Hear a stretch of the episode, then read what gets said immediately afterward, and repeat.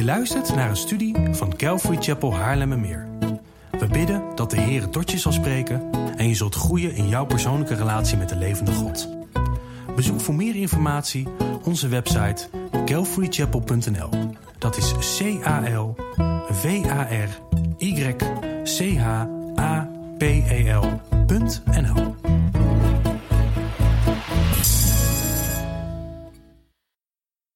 Nou, vanmorgen starten wij een, een meerdelige serie over het christelijk huwelijk. Ik heb het genoemd het huwelijk als Gods geschenk. En weet je, ik heb het zelf nooit, of ja, zelf niet altijd, als een geschenk van God gezien. Ehm, maar goed, door de jaren heen is God Marnie en mij toch wel echt genade geweest. En uh, onze harten en onze ogen zijn hiervoor geopend. Dat, dat het huwelijk echt een geschenk van God is. Nou, alhoewel ik uh, de komende weken onderwijs ga geven over het Bijbels huwelijk, wil ik bij uh, voorbaat, even als disclaimer, uh, bekennen dat Marnie en ik het in ons huwelijk absoluut niet perfect doen. Wij zijn lerend, wij zijn op weg en we maken elke dag nog fouten, we schieten elke dag nog tekort. Maar God zij dank, Marnie en ik mogen leren en continu blijven leren hoe wij de, ja, de kwaliteit van ons huwelijk kunnen verbeteren. En, en God laat ons elke keer opnieuw um, ja, zien dat in bepaalde situaties dat God zijn werk aan het doen is om ons juist daarop te attenderen dat, um, dat wij door dat leerproces heen gaan. En uh, ja, weet je, wij willen het allebei. Marnie en ik willen allebei leren. We willen allebei groeien. En ten eerste is dat om, om God met ons huwelijk te eren. Uh, ook omdat het gewoon hartstikke fijn is wanneer het tussen ons goed gaat. Um, wanneer het gaat naar Gods wil. Maar bovendien is het voor onze kinderen en onze kleinkinderen en iedereen om ons heen gewoon goed als ons huwelijk volgens Gods blauwdruk gaat. Iedereen die ons kent, heeft er baat bij wanneer ons huwelijk goed is.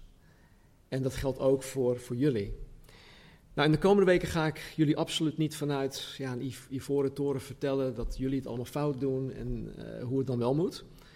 Uh, mijn gebed en mijn insteek is dat de Heer in zijn, in zijn genade, in zijn onuitputtelijke genade, uh, door zijn woord en door de Heilige Geest deze serie zal gebruiken om jullie inzichten te geven, om jullie aanwijzingen te geven, om jullie op het handvatten te geven, om de kwaliteit van jullie huwelijken te verbeteren. Het kan altijd beter. Maakt niet uit hoe goed het nu is, het kan altijd beter. En als het op dit moment niet goed is, dan is er veel meer ruimte om het te gaan verbeteren. Uh, ja, Gods blauwdruk is, is, is voor mij vrij duidelijk. Nou, hoe je ja, huwelijk er op dit moment uh, ook uitziet, hoe goed of hoe slecht het uh, momenteel gaat. Ik weet zeker dat God door deze serie heen iets persoonlijks, iets persoonlijk tot je te zeggen heeft. Uh, Jezus zei tot de gemeente in openbaring uh, tot meerdere malen toe. En het geldt ook hierin. Wie oren heeft, we hebben die allemaal, wie oren heeft, laat, jij, laat hij horen of zij horen wat de geest tegen de gemeente zegt. En als je momenteel uh, single bent, als je alleenstaand bent, dan zal dit je zeker helpen om goede bijbelse keuzes te maken met betrekking tot het zoeken en tot het vinden van een eventuele levenspartner. Het kan ook zijn dat dat helemaal niet voor jou uh, van toepassing is. Het kan ook goed zijn dat je gewoon je hele leven uh, niet gaat trouwen. Maar je moet wel zeker zijn dat God jou daarin leidt. En ik hoop dat dit daar ook aan zal bijdragen. Maar goed, we gaan nu beginnen. Um, denk even met me mee. Gebruik je verbeeldingsvermogen. Stel even voor dat iemand je een geschenk heeft gegeven. En um, niet zomaar iemand, maar iemand die je uh, boven alle andere mensen respecteert. Iemand die, um, ja, die je echt lief hebt. Iemand waarvan je gewoon zielsveel houdt. Iemand waarvan je zeker bent ook dat die persoon onvoorwaardelijk van jou houdt. Nou, stel dat deze persoon jou een, een geschenk geeft. En dan niet zomaar een geschenk, ehm, ja, dat je ergens in een winkel kan kopen of bij bol.com of dat het een, ja, een cadeaubon is of iets dergelijks. Nee, het is iets dat zeer veel voor de gever zelf betekent. Het is, voor die persoon is het, is het belangrijk, het is kostbaar. En het is iets dat, ehm, ja, waarvan je, je niet zozeer de, de, de waarde ervan in geld kan uitdrukken. Maar het is, het is, het is, ja, het is, het is belangrijk en, en, en wat ik net ook zei, het is kostbaar voor degene die het aan je geeft. En het is iets dat hij ook niet zomaar aan een willekeurig iemand zou geven. Het is speciaal voor jou bewaard en het is speciaal voor jou om te geven. En, dan krijg, en je krijgt het dan ook. Nou, ik geloof dat, ja, dat als je zo'n geschenk van zo'n persoon zou mogen ontvangen, dan, dan zou je het kosten wat kost koesteren. Toch? Je zou er zorg, uh, zorgvuldig mee omgaan. Je zou ervoor zorgen dat je geen enkel risico neemt om het bloot te stellen aan gevaar. Je zal er alles aan doen om de gever telkens te laten weten hoe, hoeveel je het waardeert. Um, ja, om het, om het even niet praktisch te maken, maar ik heb daar een voorbeeld van. In, uh, in mei 2013 was mijn vader uh, eh, 91 jaar oud. En mijn moeder was toen, was toen rond de 85, dacht ik. Uh, mijn vader was een gepensioneerd onderofficier van de Koninklijke Marine. Hij was ook tijdens de Tweede Wereldoorlog een krijgsgevangene in, in, Jap, in een Jappenkamp. En nadat de oorlog ehm, eindigde, kwamen mijn, mijn ouders met hun toen twee eerste kinderen vanuit Java, vanuit Indonesië, naar Nederland toe. Samen met een hele meut andere Indo's en uh, Nederlanders die het land uit moesten. Nou, ergens rond uh, eind jaren 50, 1950, werd mijn vader vanuit Nederland overgeplaatst naar, ne naar een Nederlands um, marinebasis in wat destijds Nederlands Nieuw-Guinea heette. Ehm, hij ging daar naartoe met, ja, met mijn moeder en uh, inmiddels um, meer kinderen, drie broers en drie zussen. En mijn jongste zus Linda werd daar geboren. En toen ze daar waren, kocht mijn vader een, uh, een, een Zwitsers horloge. En dat was dan een, uh, dat heet Eternamatic. Dat, dat zie je, het is heel zeldzaam, dat zie je niet in, in, in ja, elk willekeurig horloge toko. En het heet Eternamatic Contiki. genoemd naar uh, dat, dat, dat, ja, dat krakkemiekerig schip die dus over de Atlantische Oceaan heeft gevaard. Maar goed, dat is een heel ander verhaal. Uh, maar goed, dit, dit, dit, dit, dit horloge was zeer gewild bij de officieren in de Nederlandse marine. Het was ook heel populair. En mijn vader op een of andere manier um, kon dat kopen, wat, ook, wat in die tijd gewoon heel erg duur was. En um, sinds ik me kan herinneren, pronkte mijn vader met deze horloge. En ik denk dat het ja, waarschijnlijk een van zijn meest kostbare bezittingen was. En toen Marnie en ik in uh, eh, 2013 bij mijn ouders op bezoek waren, we raakten in gesprek. En als we daar aan tafel zaten, dan, ja, dan praten we altijd over ja, het leven, maar soms ook over vroeger. En toen Marnie en ik daar waren, vertelde mijn vader ons het verhaal over um, hoe hij er überhaupt op kwam om dit horloge te kopen. En, en, en hoe het op dat moment in, in 2013 dan uh, al zo'n 56 jaar lang uh, gewoon zeer betrouwbaar is geweest. Al die jaren. Hij vertelde ook meer over, over die tijd hè, van vroeger, wat mijn ouders altijd de, de biak-tijd noemden. En op een gegeven moment nam hij het horloge. Um, hij, nam het van zijn pols af. En um, hij zei op dat moment, ik wil het aan jou geven. En um, goed, dat, dat, deed hij dan ook. Het is voor het eerst dat ik het vertel na zijn uh, overlijden, dus het is een beetje anders. Maar hij gaf het gewoon. En dan dacht ik, wait ik, ik ben de jongste van acht kinderen. Ik heb op dat moment drie oudere broers. En ik begreep gewoon niet waarom het hij per se aan mij, mij wilde geven. Want ja, ik, ik dacht nou, dit, dit, gaat gewoon naar Eugène toe, dit gaat naar mijn oudste broer toe.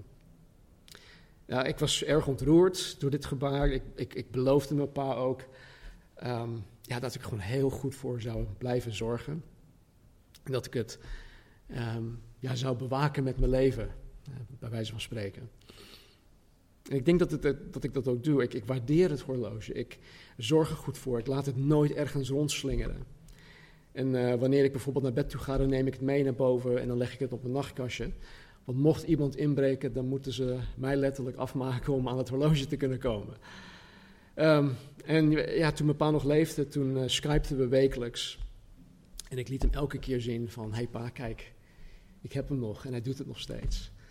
En uh, ja, hij was zo blij als, ik, uh, als hij dat zie. Zei, kijk meis, kijk, kijk, hij heeft hem nog. En hij doet het nog steeds. Kijk, het is een antiek horloge. En stel dat ik hem op eBay had gekocht. En dan zou ik het waarschijnlijk uh, een gaaf ding vinden. Maar de reden waarom ik dit horloge zoveel waardeer, ligt niet in, in het stomme horloge. Uh, het gaat mij om de persoon. Het gaat mij om de persoon, om de, de hartsgesteldheid van de persoon. Om de liefde van die persoon dat aan mij getoond werd in het geven van het horloge. En zo is het ook met het wedergeboren kind van God, die het huwelijk als een geschenk van God heeft gekregen. In Genesis hoofdstuk 2 leren wij dat God zelf het huwelijk instelt.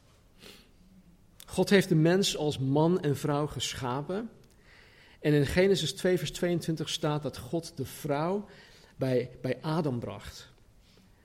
Nou, op dit moment in de geschiedenis van de mensheid had God het eerste huwelijk voltrokken. Dit was de eerste bruiloft ooit. En om deze reden is het huwelijk dus niet een, een menselijk verzinsel. God heeft het ontworpen en het is Gods geschenk aan zijn, zijn kinderen. Laten we vanaf wat ik net aanhaalde, Genesis 2, zo ruim 4000 jaar uh, vooruitspringen. En kijken naar wat Jezus een zekere fariseer vertelt over het huwelijk. Toen een aantal Joodse religieuze leiders Jezus probeerden te ondermijnen. En dan zegt hij in uh, Matthäus hoofdstuk 19, vers 4 tot en met 6 dit. Hij zegt, hij antwoordde, Jezus antwoordde en zei tegen deze religieuze leiders... Hebt u niet gelezen dat Hij, dus God die de mens gemaakt heeft, hen van het begin af mannelijk en vrouwelijk gemaakt heeft? En gezegd heeft: Daarom zal een man zijn vader en moeder verlaten en zich aan zijn vrouw hechten. En die twee zullen tot één vlees zijn, zodat ze niet meer twee zijn, maar één vlees. Eén vlees, ja, sorry. En dus wat God samengevoegd heeft, laat de mens dat niet scheiden. Dus volgens Genesis 2, en wat Jezus hier eigenlijk citeert, hij citeert Genesis 2, dus volgens Genesis en Jezus is God de Vader degene die zijn kinderen als man en vrouw in het huwelijk heeft samengevoegd. Het is Gods werk. God is degene die de man en vrouw in het huwelijk aan elkaar geeft. God is de schenker van het huwelijk. In Spreuken 18:22 uh, staat dit: Wie een vrouw gevonden heeft, heeft iets goeds gevonden. Hij ontvangt de gunst van de Heere. Even verderop in Spreuken 19:14: Een huis en een vermogen kan men erven van zijn ouders, maar een verstandige vrouw is een geschenk van de Heer. Het christelijk huwelijk volgens Gods blauwdruk is een geschenk van God. Het is een geschenk van God aan zijn kinderen. En het is niet zomaar een, zomaar een geschenk, het is iets dat God uh, zelf uh, heel kostbaar acht. Het betekent voor God zelf heel veel. En dat zullen we in, in, in, wat, in een wat latere um, sessie gaan zien vanuit hoofdstuk 5 eh, van Efeze. Het is gewoon kostbaar in Gods ogen. En ja, zoals in mijn geval mijn pa dit horloge niet zomaar willekeurig aan iemand gaf, geeft God, niet geeft God het geschenk van het huwelijk ook niet zomaar aan Jan en Alleman. Hij schenkt het aan diegenen die er serieus mee omgaan, degenen die het, ehm, ja, die het de waardering geven dat het verdient. Hij geeft het aan degenen die het met veel zorgvuldigheid koesteren, die het met veel, ehm, eh, ja, die geen risico nemen om het bloot te stellen aan gevaar. Hij geeft het aan degenen die uh, er alles aan doen om de schenker ook telkens, op, telkens weer ervoor te danken en, en te, te laten weten dat, dat, dat zij het waarderen. Nou, in Genesis 1, toen God het licht schiep, zag God dat het goed was.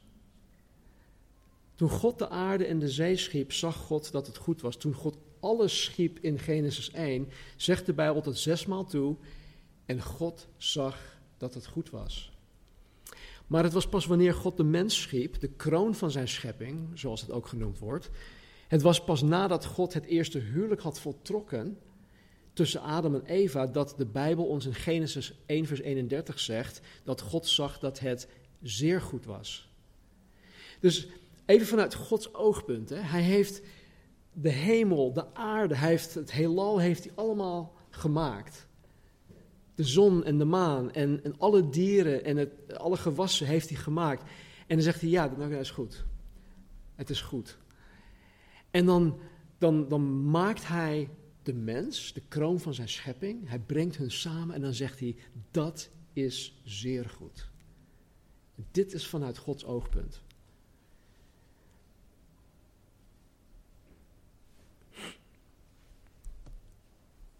Het is zeer goed.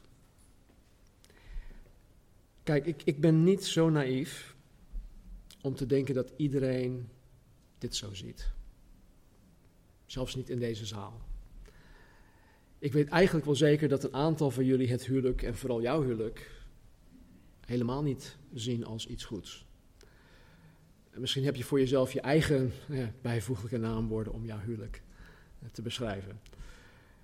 Maar daarom leert de Bijbel ons ook iets dat voor sommigen eigenlijk ehm, in mijn optiek helemaal geen foute keuze is. In Matthäus hoofdstuk 19, dat stukje wat we net hadden gelezen, iets verderop in dat hoofdstuk, en dan ook in 1 Korinthe 7 op een iets andere manier, zegt de Bijbel dit: dat het eigenlijk beter is om niet te trouwen. Het is beter om niet te trouwen, zegt de Bijbel. Maar goed, ik wil de sfeer van morgen niet verpesten door te lang daarbij stil te blijven staan. ik wil juist gaan kijken naar dit prachtig en heerlijk en ontzagwekkend geschenk dat God ons geeft. En nogmaals, het kan zijn dat jullie huwelijken er niet uitzien zoals we het de komende weken eh, in de schrift zullen gaan zien. Maar dat is juist het wonderlijke van een, een, een navolger van Jezus Christus te zijn. God geeft ons dan de standaard, zoals we dat ook vorige week met de deugdelijke vrouw hebben gezien. God geeft ons de standaard, zijn ideaal. En tegelijkertijd geeft Hij ons zijn woord en Hij geeft ons de Heilige Geest om ons te, te, te transformeren, om ons te hervormen, om ons te doen veranderen naar zijn blauwdruk. Er is echt hoop voor ieder huwelijk. Er is hoop. Nou, omdat het huwelijk een geschenk is en omdat geschenken vrijwel altijd ja, ingepakt zijn, Laten we begin maken om samen dit cadeau uit te gaan pakken om te zien hoe dit geschenk eruit ziet. Vandaag zal ik jullie een, een, een raamwerk geven en de volgende weken ehm, zal ik het praktisch maken. Nou, weet je nog dat, ehm, dat, in, uh, dat, God, dat ik zei dat God in Genesis 1 zei dat alles dat hij geschapen had, uh, dat het goed was. En dat God pas zei dat, uh, dat het zeer goed was nadat hij Adam en Eva had samengebracht. Nou, om beter te kunnen begrijpen dat het huwelijk daadwerkelijk een geschenk van God is, moeten we even een moment nemen om uh, in te zoomen op wat er plaatsvond tussen de tijd uh, in dat God Adam schiep en Eva schiep. Er zit wat tijd tussen. En er gebeurden wat dingen tussen die twee momenten. En om een, een, een duidelijk beeld te krijgen van, van dat het huwelijk echt een geschenk is, moeten we uh, daar even op, op inzoomen. Um, het is ook even goed om te, ont, te onthouden. Genesis hoofdstuk 1 geeft onze samenvatting van het gehele scheppingsverhaal. Dus als je Genesis 1 hebt, dan, dan heeft God dit gemaakt, dat gemaakt, tot aan de zesde dag. En de, de zevende dag nam hij rust. Dus het is een samenvatting van het hele scheppingsverhaal. Ehm, in Genesis 2 zoomt God in op de schepping van de mens, Adam en Eva. Dus het is niet een chronologische volgorde, maar het is even een, een, een, een, dichtere kijk op uh, de schepping van de mens. En dan staat er in Genesis 2, vers 18: En de Heere God sprak: Het is niet goed dat de mens alleen blijft. Ik ga een hulp voor hem maken die bij hem past. Zoals ik reeds al zei, uh, in Genesis 1:31 staat dat God zag al wat hij gemaakt had en zie, het was zeer goed, staat er. Maar chronologisch gezien, voordat God dit in Genesis 1:31 zei, dat, dat het zeer goed was, zei God dit in hoofdstuk 2, vers 18. Het is niet goed dat de mens alleen blijft. Dus op dit moment in Genesis 2:18 is Adam nog steeds de enige mens dat bestond. En God vond dat dat niet goed was. Dat het niet goed was dat Adam alleen was, als enige van zijn soort, als mens. Dus God gaat aan het werk om een hulp voor Adam te maken. Eentje die precies bij hem past. Iemand die letterlijk, letterlijk voor Adam gemaakt is. En het bijzondere in het hoofdstuk is dat wij vers 18 lezen, wat ik net had gelezen, wat hier ook staat. En dat wij eigenlijk vers 19 en 20 kunnen overslaan en doorgaan met vers 21, eh, vers 21 zonder dat het iets van het verhaal zou kunnen um, afdoen. En als we dit zouden doen, dan zou het klinken als volgt. Dus hier heb ik alleen vers 18, 21 en 22. De Heere God sprak: Het is niet goed dat Adam alleen blijft. Ik ga een hulp voor hem maken die bij hem past. Toen liet de Heere God Adam in een diepe slaap vallen en terwijl hij sliep nam hij een van zijn ribben weg en zette er vlees voor in de plaats. En de Heere God vormde de rib die hij uit Adam had weggenomen tot een vrouw en bracht haar naar Adam. En dit vloeit. Dit vloeit gewoon lekker.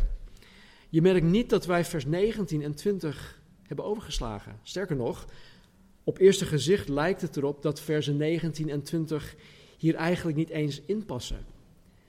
Maar God heeft juist echt bewust vers 19 en 20 erin gezet, omdat God ons iets fundamenteel wil leren omtrent het huwelijk als Gods geschenk. Dus laten we nu vers 19 en 20 lezen. Toen, toen boetseerde de Heere God uit de aarde alle dieren op het land en alle vogels van de lucht en bracht die bij Adam om te zien hoe hij ze zou noemen. Zoals Adam ze zou noemen, zo zouden ze heten. Adam gaf dus namen aan alle tamme dieren en aan alle vogels van de lucht en aan alle wilde beesten. Maar een hulp die bij hem paste, vond Adam niet. Nogmaals, Adam was op dit moment nog steeds de enige mens. Maar ondanks dat hij helemaal alleen was, als zijn, in, als, als zijn soort, kon het heel goed zijn geweest dat hij niet eenzaam was. Uiteindelijk had hij fellowship, hij had die relatie met God. Hij, ja, hij, hij had gemeenschap met God. Dus het kan heel goed zijn dat hij, hij niet, niet eenzaam was. Maar omdat God als liefdevolle vader vond dat het niet goed was voor Adam om als enig mens te bestaan, gaf God Adam in al zijn wijsheid de taak om alle dieren dat God geschapen had te benoemen, om hun allemaal een naam te geven. En nu zegt de Bijbel niets over hoe het precies gegaan is, maar ik kan me voorstellen dat, het, uh, ja, dat God de dieren in paren naar, naar Adam toebracht en dat hij hen op die manier uh, ging, uh, namen zou geven, ging geven. Adam zou dan uh, eventueel zoiets gezegd hebben als: Oké, uh, even kijken. Uh, Oké, jij bent een stier en jij bent een koe. jij bent een aap en. Nee, niet, sorry Willem. jij bent een aap en, en jij bent een aapin. een haan en een kip, herthinden en ga, maar, maar zo verder. Um, voor de zondeval was Adam de meest intelligente man die ooit heeft geleefd. Hij was volmaakt. Voor de zondeval. En ik weet zeker dat het Adam niet was ontgaan dat, dat, dat in het dierenrijk elk mannetje een vrouwelijke tegenhanger had. Een vrouwelijke tegenhanger die precies bij hem paste. Misschien zagen ze er misschien een beetje anders uit. Het vrouwtje was misschien iets kleiner, had andere ja, anders getekend misschien. Dat zie je vaak ook met vogels, dat de mannelijke vogel heel mooi is en de vrouwelijke vogel wat minder mooi is. Uh, dat geldt natuurlijk niet voor de mens, maar uh, hij had het wel gewoon door. Vooral als ik zo in de zaal kijk, nee hoor. Nee, maar ik, ik weet zeker dat Adam dat gewoon door had. En misschien was het zo dat wanneer God de dieren naar Adam bracht, en dat ze in een hele lange rij voor hem stond, stonden, en terwijl Adam daar bezig was, merkte hij dat de rij korter aan het worden was. En dat hij op een gegeven moment het einde van de rij kon zien. En dat hij zoiets had van: hé, hey, wacht, wacht even. Elk diersoort heeft een partner dat gelijk is aan hem. Maar ik zie nergens iets of iemand dat op, op mij lijkt. Het zijn allemaal viervoeters of wat dan ook. Ik zie niemand die op mij lijkt. En dus toen de laatste paren bij Adam voorbij kwamen, kon het heel goed zijn geweest dat Adam na het volbrengen van, van zijn taak tot, zelf tot het besef kwam dat het niet goed was dat hij alleen was. Ik geloof dus dat God deze taak aan Adam had gegeven, zodat Adam tot het besef zou komen dat hij één alleen was en twee dat hij toch wel echt een partner nodig had om hem aan te vullen. Dus als we dit, nu, dit, dit hele stuk nu lezen, vanaf vers 18 eh, tot 22. De Heere God sprak, het is niet goed dat Adam alleen blijft. Ik ga een hulp voor hem maken die bij hem past. Toen boetseerde de Heere God uit, eh, uit, de aarde alle dieren op het land en alle vogels van de lucht en bracht die, bracht die bij Adam om te zien hoe hij ze zou noemen. Zoals Adam ze zou noemen, zo zouden ze heten. Adam gaf dus namen aan alle tamme dieren en aan alle vogels van de lucht en aan al de wilde beesten, maar een hulp die bij hem paste, vond Adam niet. Toen liet de Heere God Adam in een diepe slaap vallen. En terwijl hij sliep, nam hij een van zijn ribben weg en zette er vlees voor in de plaats. En de Heere God vormde de rib die hij uit Adam had weggenomen tot een vrouw.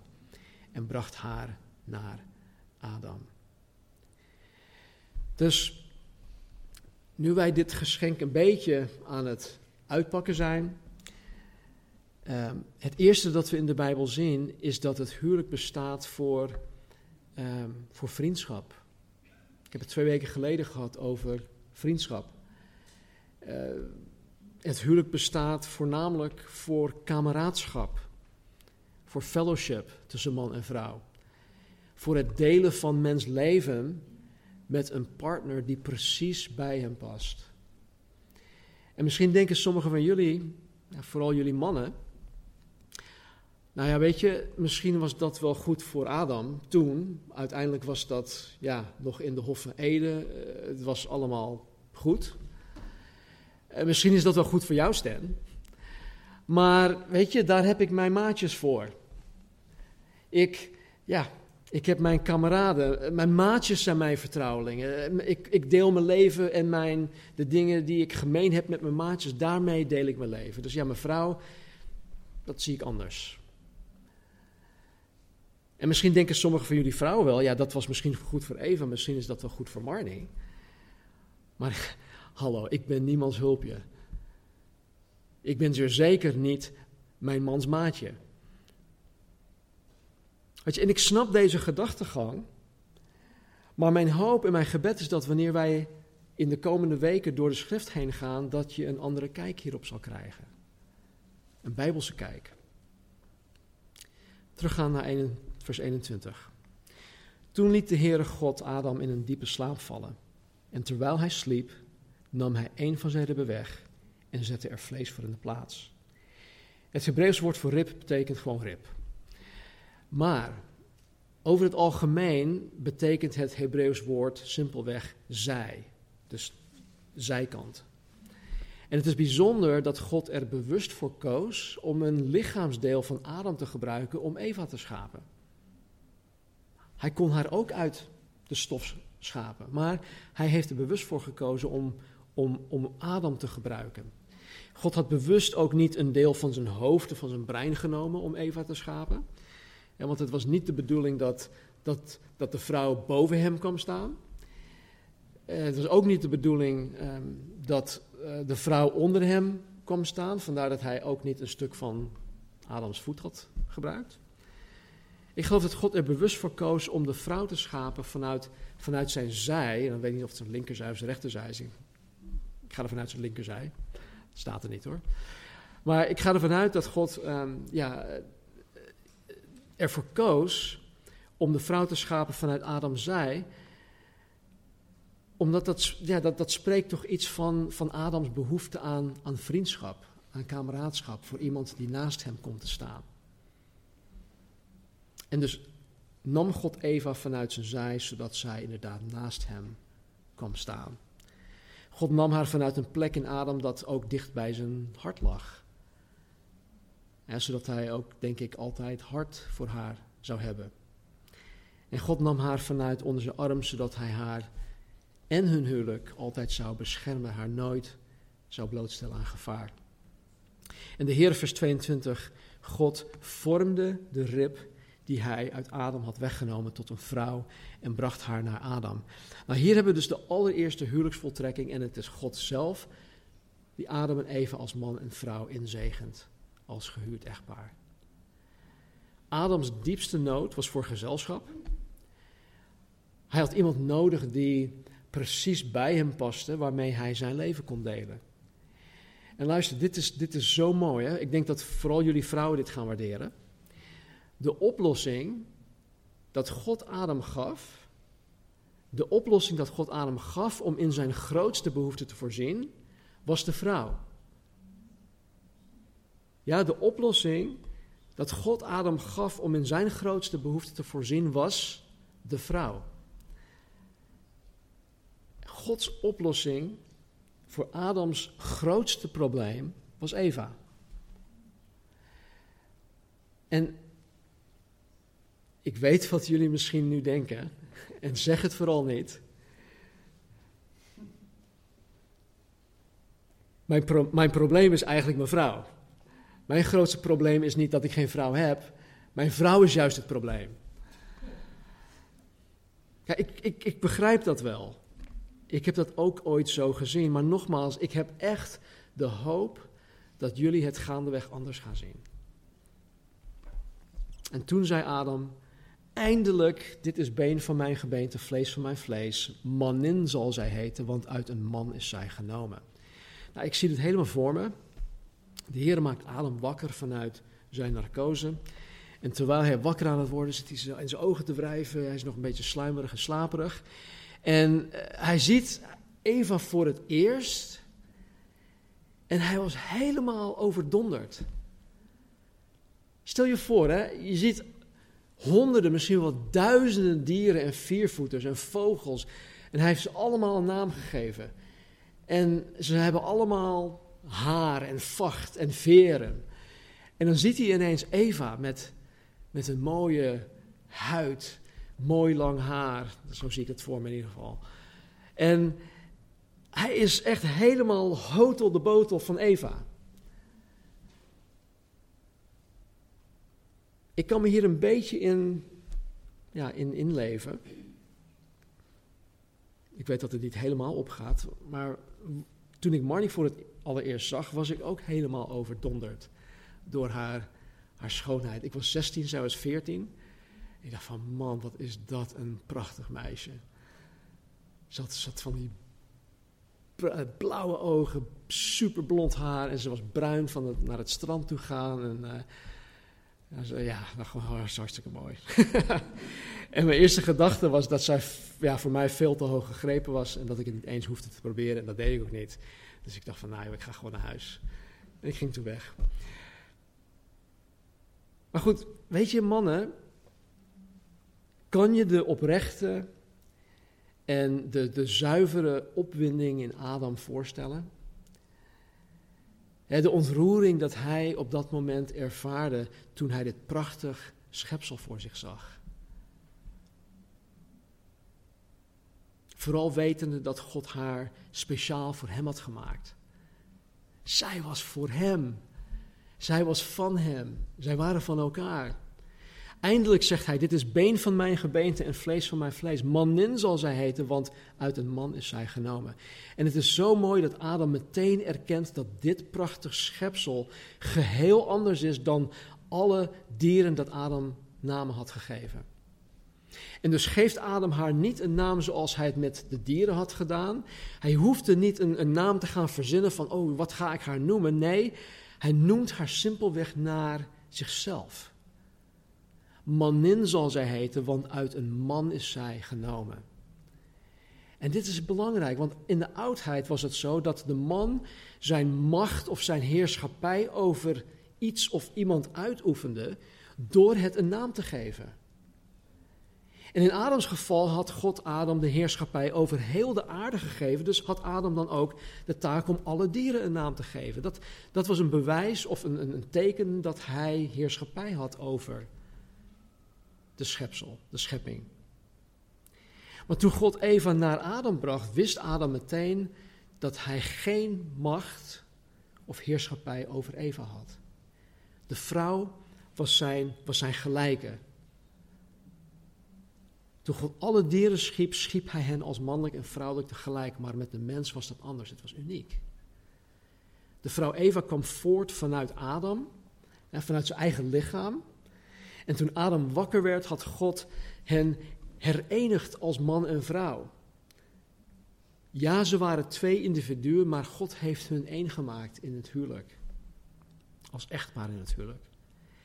En we hebben de reactie van Adam gelezen, hoe diep onder de indruk en hoe dankbaar hij was. En ik weet zeker, ik weet zeker, het staat er niet, maar ik weet gewoon dat, dat Eva ook onder de indruk had moeten zijn geweest.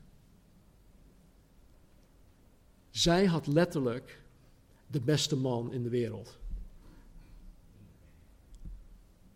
Zij had de volmaakte man. Er was geen betere. Dus nu zijn ze samen. God had hen samengebracht. En dan komt de vraag: hoe ziet die kameraadschap tussen man en vrouw eruit? Hoe ziet die vriendschap er praktisch uit? Het gezelschap, hoe ziet dat eruit? En dat vinden we in de laatste twee versen die wij vandaag gaan lezen. Daarom, vers 24, zal een man zijn vader en zijn moeder verlaten en zich aan zijn vrouw hechten en ze zullen tot één vlees zijn. Nou, ten eerste dit. Om het grootste voordeel uit ons huwelijk te kunnen halen, hè, voor wat betreft het potentieel voor gezelschap en intimiteit, moeten sommige dingen vanuit ons ongetrouwd leven achtergelaten worden. Er zijn gewoon dingen vanuit ons ongetrouwd leven die wij achter moeten laten. Die we niet mee moeten nemen in ons huwelijk. En hier spreekt de Bijbel over het achterlaten van je ouders. Hoe goed familiebanden ook zijn, kunnen ze in de weg staan in het worden van elkaars meest intiem metgezel. Familie kan echt in de weg staan. En dat betekent natuurlijk niet dat je je familie in de steek laat, maar er moet wel een, een gezonde mate van afstand genomen worden, zodat het echtpaar, het echtpaar alleen, de ruimte en de gelegenheid krijgt om als een man-vrouw eenheid te kunnen groeien en te kunnen functioneren zoals God dat wil. Er moet een, een gezonde mate van, van afstand zijn. Ik weet nog toen mijn schoonvader nog leefde. Uh, Marnie die was zeer te spreken over haar vader. Zij waren echt, echt close. En ik wist dat zij te allen tijden bij hem terecht kon. En echt, en echt voor alles. En ze had wel eens momenten dat ze, dat ze hem gewoon belde en pa, ik, ik heb je nodig. En gelukkig, gelukkig voor ons dan, begreep mijn schoonvader vers 24, wat ik net heb voorgelezen. En wanneer Marnie en ik dan ruzie maakten, en Marnie bij haar vader ja, bijval probeerde te krijgen, verwees hij haar altijd naar Jezus. Hij verwees haar altijd naar de schrift, altijd naar de Bijbel. En hij, verwees haar ook, hij, hij wees er altijd op het feit van luister meid, jij moet dit met je man oplossen. Dit is niet mijn ding. Ik kan je advies geven en mijn advies is om naar Jezus toe te gaan. Mijn advies is om naar de schrift toe te gaan. En mijn advies is om dit tussen jou en Stan samen op te lossen. En misschien kan je er hulp van buiten bij, bij, bij, bij ehm, betrekken. En dat hebben we allemaal van tijd tot tijd nodig. Maar hij als vader zijnde in dit geval uh, wist, hey, ik, ik, ik moet afstand nemen hiervan, want dit is niet gezond als ik me daarin meng. Als vader dan. Ik heb ook uh, wel inspraak op mijn dochters en hun relaties met hun mannen. Maar ik, ik zie dat soms als vader, maar ik zie het vaker als gewoon: ik ben hun broer in Christus en ik wil iets goddelijks met hun delen. Dus ondanks dat, dat, dat Marnie's vader zielsveel van Marnie hield, en ondanks dat hij liefst de man in haar leven wilde blijven zijn, wist hij vanuit de schrift dat Marnie zich aan mij moest hechten. Dus als je continu naar je ouders toe rent voor kameraadschap of wanneer je ruzie hebt, dan moet je daar echt mee ophouden. Want dat is niet goed voor je huwelijk, het is niet gezond. Vooral als de ouder-kindrelatie je huwelijk ondermijnt. En dan bedoel, ik jouw relatie met je ouders. Vers 24 leert ons ook om één te zijn met onze vrouwen, om verbonden en verenigd te zijn. En ik wil dit zeggen: de huwelijksrelatie tussen man en vrouw, dat is het huwelijk, hoort hier op aarde de meest intieme en stevige en onverwoestbare relatie te zijn tussen twee mensen. Ik ga er in de komende eh, sessies nog iets, iets hebben over ouder-kindrelatie en hoe dat zit. Maar ik wil nu al zeggen dat uh, de huwelijksrelatie de meest intieme, stevige en onverwoestbare relatie tussen twee mensen moet zijn. Dus als je gehuurd bent, dan moet jouw partner de enige zijn waarmee je zo intiem bent. En dit is misschien een, ja, een, een rare vergelijking. Mijn, uh, een van mijn dochters vindt het niet zo leuk. Maar het verbonden zijn met je vrouw kan vergeleken worden met de werking van twee componentenlijm. Ooit gezien? Ja, in de, in de bouwmarkt. Ik vind het zo gaaf dat ze nu zo'n zo'n spuit hebben. Dat maakt het veel makkelijker. Vroeger had je gewoon twee, twee verschillende tubes. En dan moest je gaan kijken oeh, is dat... Ja, het moet allemaal gelijk zijn natuurlijk. Anyway. Um, je hebt component A, je hebt component B. En geen van beiden heeft op zichzelf het vermogen om te harden. Uh, om om, om ja, te hechten. Uh, dus als je iets probeert te lijmen met slechts één van de componenten, of het is A of B, dan lukt dat niet. De, blijm, of de lijm die, die blijft uh, zacht en die blijft vloeibaar, die blijft stroperig en het wordt gewoon een zooitje. Dus los van elkaar kan nog component A, nog component B het beoogd effect behalen. En dat is om iets te hechten aan elkaar. Maar op het moment dat je gelijke hoeveelheden van beide componenten samenvoegt en het heel goed mengt, dan ontstaat er een chemische reactie. En deze twee losse componenten die worden ineens één. Die worden één. Ieder afzonderlijk component heeft unieke eigenschappen. waardoor ze, en wanneer ze samengebracht worden, vormen zij dan een onscheidbare eenheid. Eenmaal gemengd en eenmaal uitgehard is dat niet uit elkaar te scheiden. Misschien ergens in het lab wel of zo, maar bij wijze van spreken is dat gewoon niet te scheiden. Het, het, het is één geworden. En dit is dan ook wat er met een man en vrouw hoort te gebeuren wanneer zij samengebracht worden door God in het huwelijk. Ieder brengt iets unieks met zich mee in het huwelijk. En door middel van je eigen unieke persoonlijkheid, de talenten die je van God hebt gekregen, de kwaliteiten, de krachten, de zwakheden, zwakheden je eigenaardigheden. Um, ieder brengt iets unieks mee om deze eenheid te vormen. En een van de meest kromme gedachten, en het geldt vooral in de wereld, is dat mensen uit elkaar gaan omdat ze niet uh, compatible zijn. Ik ben zo anders dan dat zij is, ach, ik kan niet de rest van mijn leven eh, doorgaan met haar of met hem. Maar God wil juist die verschillen in het huwelijk gebruiken.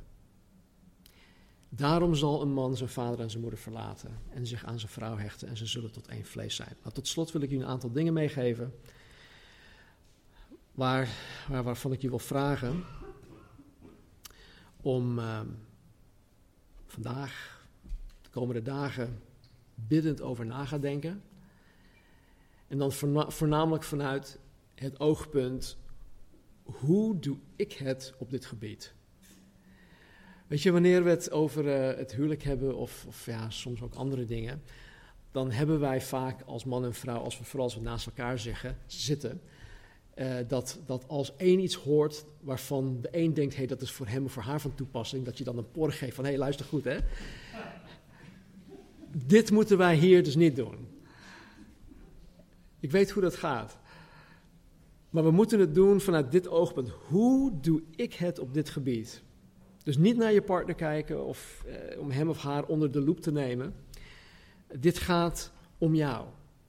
En het is iets dat tussen jou en tussen God is. Uh, dus vraag jezelf deze dingen af. Acht ik mijn huwelijk als, of acht ik mijn huwelijk een geschenk van God? Zie ik mijn huwelijk als een geschenk van God? Het is eigenlijk een hele simpele vraag, maar het is wel een, een diepgaande vraag. Acht ik mijn huwelijk een geschenk van God? Is mijn man of vrouw daadwerkelijk mijn meest intieme metgezel of vriend? Is mijn man of vrouw daadwerkelijk mijn meest intieme metgezel of vriend? Derde vraag: hoeveel tijd en energie besteed ik aan het samen zijn met mijn partner? Hoeveel tijd en energie besteed ik aan het samen zijn met mijn partner? Geniet ik van zijn of haar gezelschap? Geniet ik van zijn of haar gezelschap? Geniet hij of zij van mijn gezelschap? Ben ik überhaupt een goede metgezel? Ben ik een goede vriend? Kan jouw man of vrouw alles tegen je zeggen?